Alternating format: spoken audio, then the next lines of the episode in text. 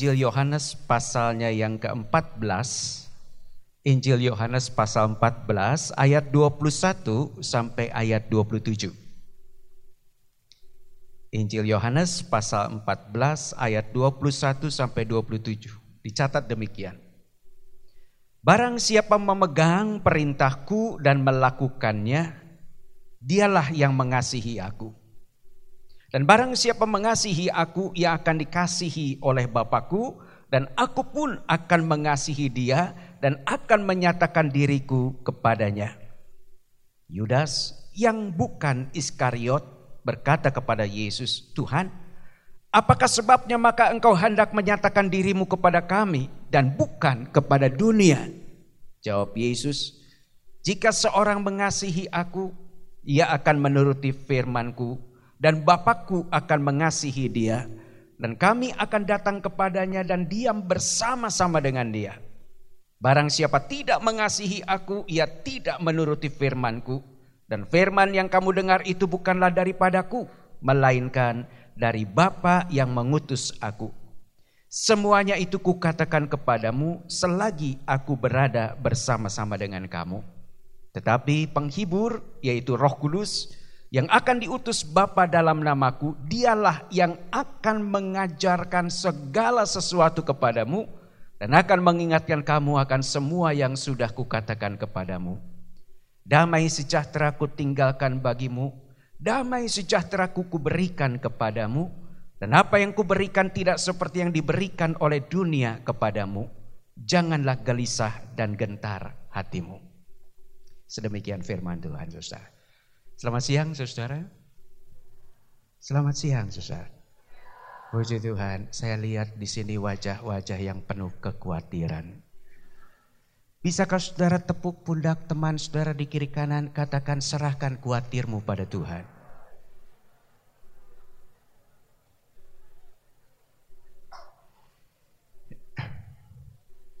Baik saudara, hari ini kita akan mencoba untuk merenungkan sejenak tentang ketaatan. Ya. Saudara kata taat di sini, saudara menurut Alkitab sebenarnya adalah kesepakatan. Jadi ketika saudara mengikut Tuhan, saudara mengatakan aku mau ikut Yesus, berarti saudara mulai sepakat dengan Tuhan. Sepakat dengan pikiran Tuhan, sepakat dengan rencana Tuhan, sepakat dengan janjinya, sepakat dengan segala hal yang Tuhan pikirkan dan Tuhan rancang. Amin. Jadi ketika saudara menjadi orang Kristen, berarti sungguh-sungguh saudara sepakat dengan pikiran-pikiran dan perasaan Tuhan. Setuju? Halo. Saudara, kenapa jalan hidup saudara penuh persoalan dan pergumulan? Kenapa hidup saudara banyak sekali dikitari oleh kekhawatiran dalam hidupmu? Karena engkau nggak sepakat dengan pikiran Tuhan. Saudara membiarkan hidup saudara dikendalikan oleh pikiran-pikiran saudara. Dan saudara mulai menilai setiap hal yang boleh terjadi dalam hidup saudara. Dengan pikiran-pikiran saudara. Itu sebabnya mengapa saudara khawatir, saudara takut, saudara kecewa, saudara marah. Semua itu karena saudara pikirkan semua dengan pikiran-pikiran dan nilai-nilai saudara. Saudara orang Kristen gak bisa begitu. Kalau saudara mengatakan aku anak Tuhan berarti saudara siap untuk mulai menundukkan pikiran saudara. Dan saudara mulai membiarkan pikiran Tuhan menguasai pikiran dan hati saudara. Dan mengendalikan hidupmu. Maka firman Tuhan mengatakan damai sejahteraku kuberikan kepadamu. Saudara kenapa nggak ada damai dalam hidup ini? Ya kembali lagi karena tidak ada kesepakatan itu. Saudara, kalau saya sepakat dengan pikiran Tuhan, maka firmannya mengatakan, apa yang sudah disatukan Allah tidak boleh diceraikan oleh siapa?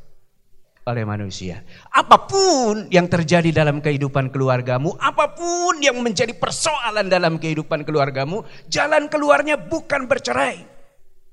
Tapi firman Tuhan mengatakan, apa yang sudah disatukan Allah, jalani itu. Apa pendeta? Persoalannya nggak semudah itu. Ada seorang jemaat kami. baru menikah empat tahun. Setelah itu suaminya, eh, istrinya mengalami stres berat. Istrinya sangat pandai sekali. Kuliah S1 hanya membutuhkan waktu tiga tahun. Selesai. Dilanjutkan S2, satu tahun, selesai. Dan sekarang sedang mempromosikan diri untuk ambil S3. Namun akhirnya karena stres berat jadi gila. Baru empat tahun, anak baru satu. Mau diceraiin? Halo? Jalanin.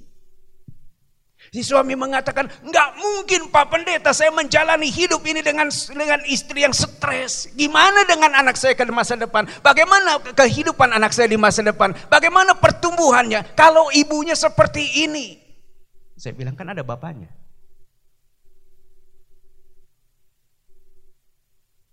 Kenapa kamu nggak jalani semua itu bersama dengan Tuhan? Firman yang mengatakan kamu akan lelah ketika kamu menjalani hidup ini hanya mengandalkan kekuatanmu sendiri. Yeremia 17 ayat yang kelima mengatakan terkutuklah. Terkutuk berarti itu yang bukan ada dalam pikiran Tuhan. Dan Tuhan gak suka dengan hal ini. Apa itu saudara? Terkutuklah manusia yang mengandalkan kekuatannya sendiri. Terkutuklah manusia yang mengandalkan manusia. Jadi yang Tuhan mau apa saudara? Hadirkan dia dalam kehidupan dan pergumulanmu. Walaupun kadangkala persoalan itu, saudara, saya selalu katakan persoalan itu ada kadangkala karena kita buat sendiri, ya betul saudara? Persoalan jadi gede karena kita buat jadi besar. Persoalan jadi kecil karena kita buat jadi kecil. Persoalan jadi bukan persoalan ketika kita anggap itu bukan persoalan. Namun kadangkala Tuhan izinkan persoalan itu hadir dalam hidup saudara. Bukan dari dampak pilihan yang saudara ambil dalam hidup saudara. Ada aja begitu ya saudara ya. Contohnya saudara. Saya selalu ingat peristiwa ini karena baru saja peristiwa ini terjadi saudara ya. Uh, selama ini saya nggak pernah bisa jalan bersama dengan istri saya bersama-sama. Istri saya sibuk dengan pelayanannya, ngurusin anak-anak, saudara ya. Dari kecil, saudara bangun pagi saat teduh, udah saat teduh ke dapur, masak. Masak buat siapa? Buat anak-anak, saudara ya. Apalagi uh, anak saya yang paling besar kan laki, saudara. Ya buat si kakak ini, wah harus vitaminnya, gizinya, wah saudara ya. Kalau yang perempuan kadang-kadang adanya si Noni bilang, mami kok mami masak cuman buat si kakak doang.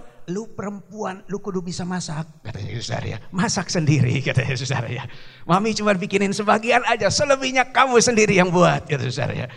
Dan saudara, sampai masak jam eh, 6, selesai jam setengah 8 atau jam 8, saudara dibekelin si kakak ini. Jam 10 masak lagi. Saya tanya buat apa ini masak lagi? Buat si kakak. Lah kenapa dimasakin lagi? Kapan aku dimasakin? Kamu mah yang ada aja, kata saudara gitu ya. Waduh. Ya nggak jadi masalah saudara ya. Ya saudara ditelepon si kakak ini di kantor. Kak udah udah beli makanan buat siang belum Mi lagi sibuk nih kerjaan di kantor. Ya udah jangan beli, Mami kirim pakai Gojek. Saya katakan, Mi, masak tuh sekalian, buat sekalian malam gitu saudara ya.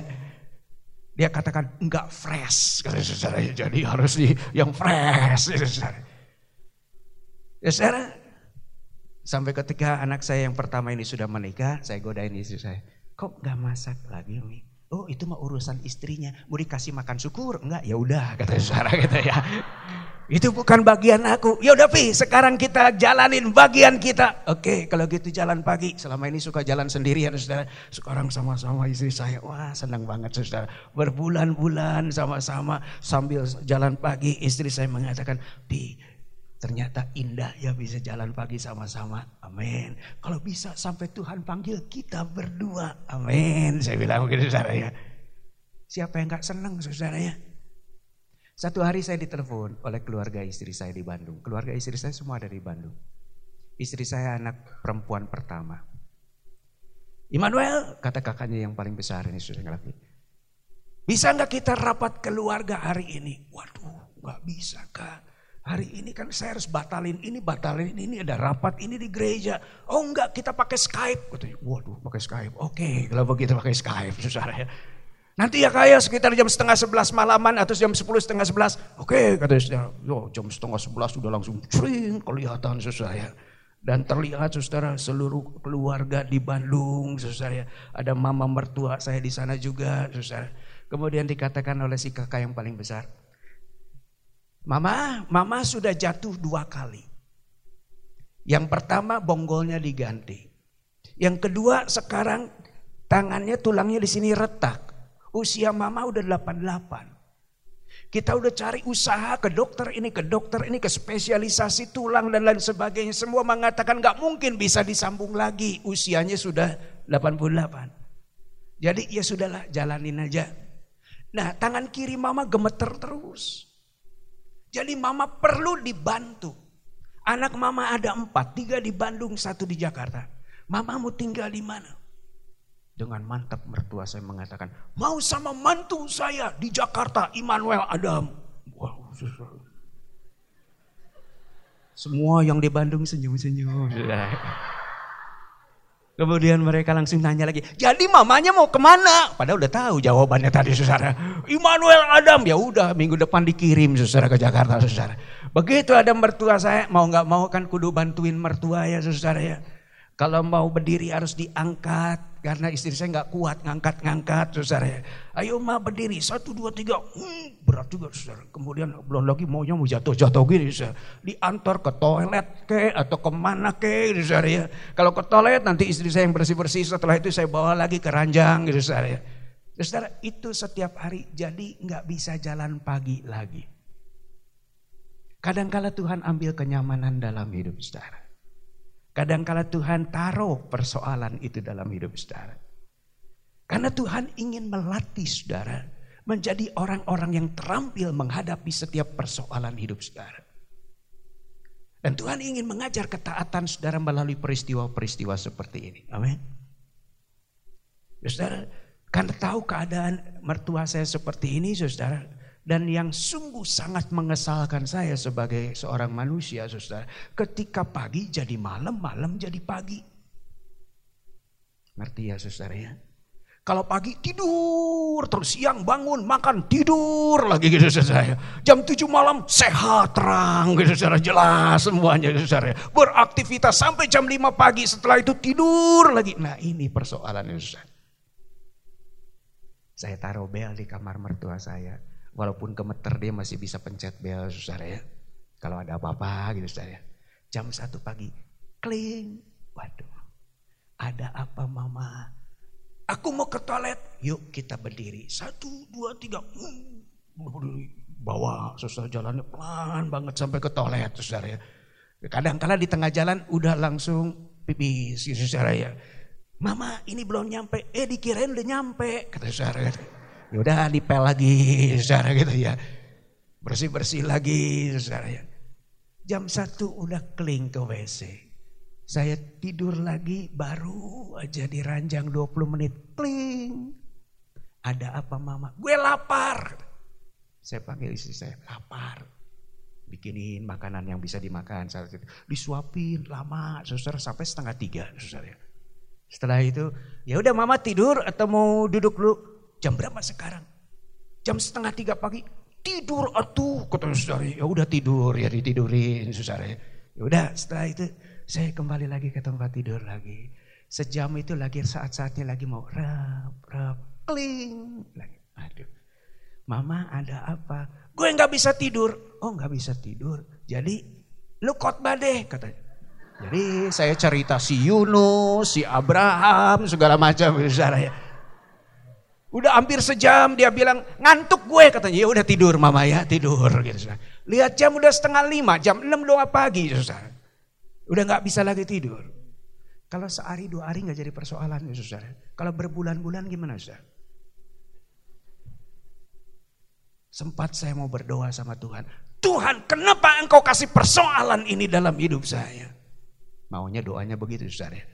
Namun saya mulai berpikir lagi, bukankah firman Tuhan mengatakan Allah turut bekerja di dalam setiap perkara yang engkau alami. Berarti Tuhan izinin hal ini dalam hidup saya. Nah saya mulai mencari-cari tahu apa sih maksud Tuhan, apa sih maksud Tuhan. Terus saudara berminggu-minggu, berbulan-bulan saya cari tahu. Sampai akhirnya saya tahu. Tuhan seperti ngomongnya begini secara sederhananya.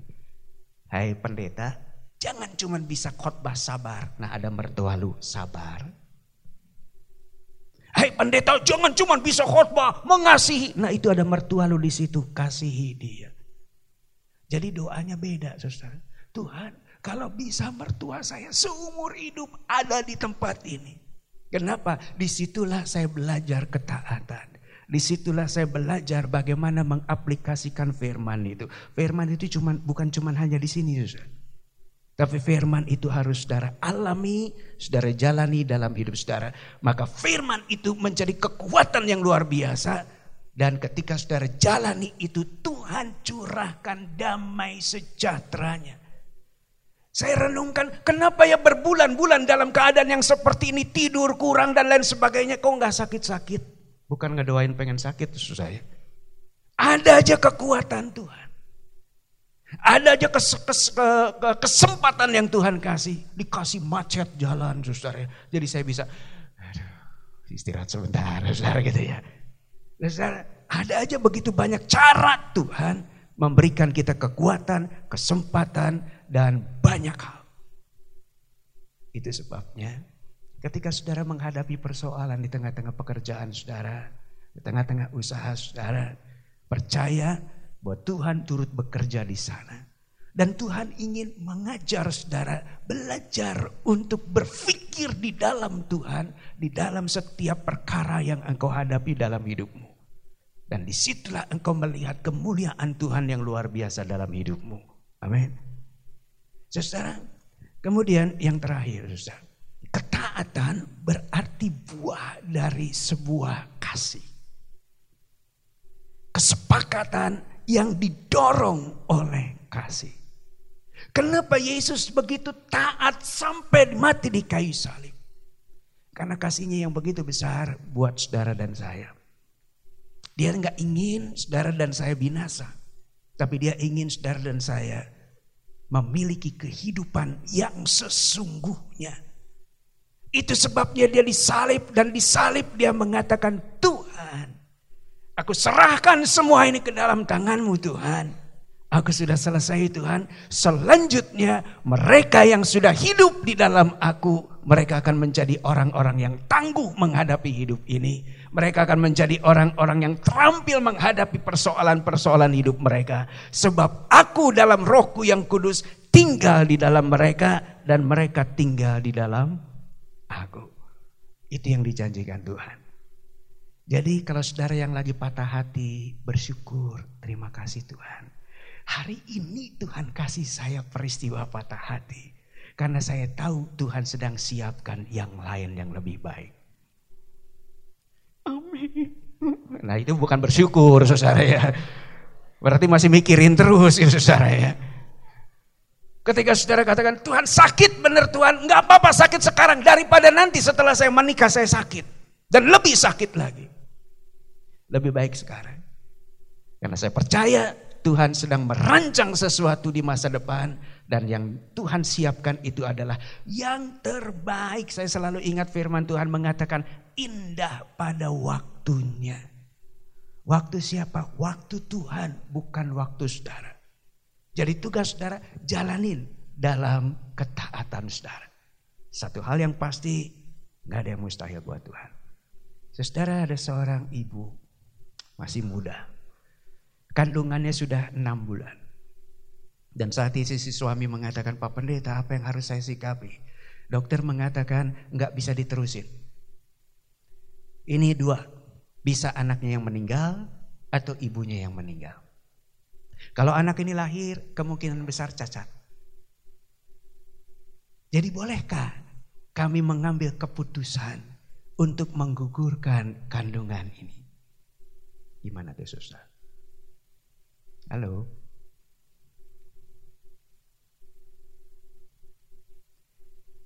Saya bertanya pada si suami, menurut dokter berapa persen peristiwa itu terjadi? Kemungkinan 80 persen hal itu terjadi Pak Pendeta. Saya katakan, saya nggak mau bertanya yang 80 persen. Menurut dokter 20 persen itu apa?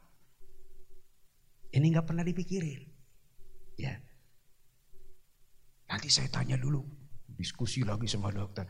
Balik lagi uh, dia telepon, Pak Pendeta 20% itu adalah kemurahan Tuhan katanya Pak Pendeta. Jadi dokter juga nggak bingung gitu ya, kira-kira itu kemurahan Tuhan. Nah sekarang kamu mau jalanin yang 20% atau yang 80%? Halo? Akhirnya si suami mengatakan, saya mau jalanin yang 20% Pak Pendeta. Amin, jalanin. Percaya dalam setiap peristiwa ada peranan Tuhan di sana. Kalau Tuhan tidak menghendaki bayi ini hadir, belum waktunya dia akan gugur sendiri karena pekerjaan Tuhan. Kalau Tuhan menghendaki ada rencana Tuhan, rancangan Tuhan yang luar biasa. Ternyata tepat 9 bulan lewat sedikit si ibu mengandung eh, melahirkan. Setelah melahirkan anaknya sehat, ibunya hidup sampai sekarang.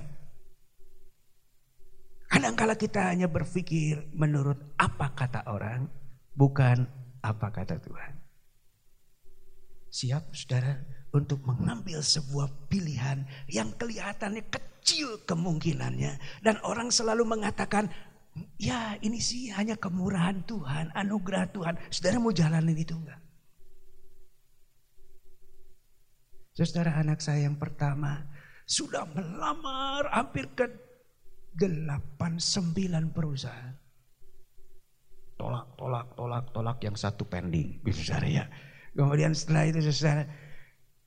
Kemungkinan gimana? Ya nggak usah pindah lah. Kemungkinan kecil-kecil sekali aku harus pindah Pi. Gitu ya. Walaupun keadaannya aku lagi begini-begini, perusahaan ini lagi begini, begini, begini. Sekarang Tuhan izinkan menurut kamu perusahaan kamu yang sekarang tempat kamu bekerja sekarang ini seperti ini, buruknya seperti ini dan seterusnya dan seterusnya. Apakah Tuhan diam aja? Apakah Tuhan tidak memberikan kepada kamu keterampilan, kemampuan? Ketika kamu berdoa dan kamu katakan Tuhan, yes, aku siap untuk menjalani ini di dalam Tuhan. Jalanin. Tapi kemungkinannya untuk berubah ini susah, pi, katanya ya. Manajer aku begini orangnya, di atasnya juga begini semuanya. Gimana aku bisa maju? Gimana aku bisa merubah? Kata saudara ya. Saya katakan, jangan lihat terlalu jauh jalanin apa yang bisa menjadi bagianmu, selebihnya adalah bagian Tuhan. Dalam hidup ini nggak bisa saudara kerjakan semua. Ada bagian saudara, ada bagian Tuhan. Makanya firman Tuhan mengatakan, serahkan kuatirmu, itu bukan bagian saudara. Karena saudara nggak bisa menyelesaikan kekhawatiran saudara. Itu bagian Tuhan. Saudara, kira-kira Februari tahun ini manajernya keluar karena pindah kerja. Ya. Atasannya dipindah untuk bagian yang lain. Anak saya malah diminta gantiin posisi manajernya. Kepikir nggak? Enggak. Pernah anak saya berdoa, Tuhan kalau bisa geser manajer ini, kalau bisa di atasannya geser. Enggak, saudara ya. Enggak pernah kita bayangkan semua itu. Namun Tuhan mau mengatakan lihat apa yang aku kerjakan bagi kamu. Jalanin. Jalanin dengan sepenuh hatimu dengan penuh syukur, penuh ketaatan. Tuhan akan buka jalan. Kita tundukkan kepala kita berdoa.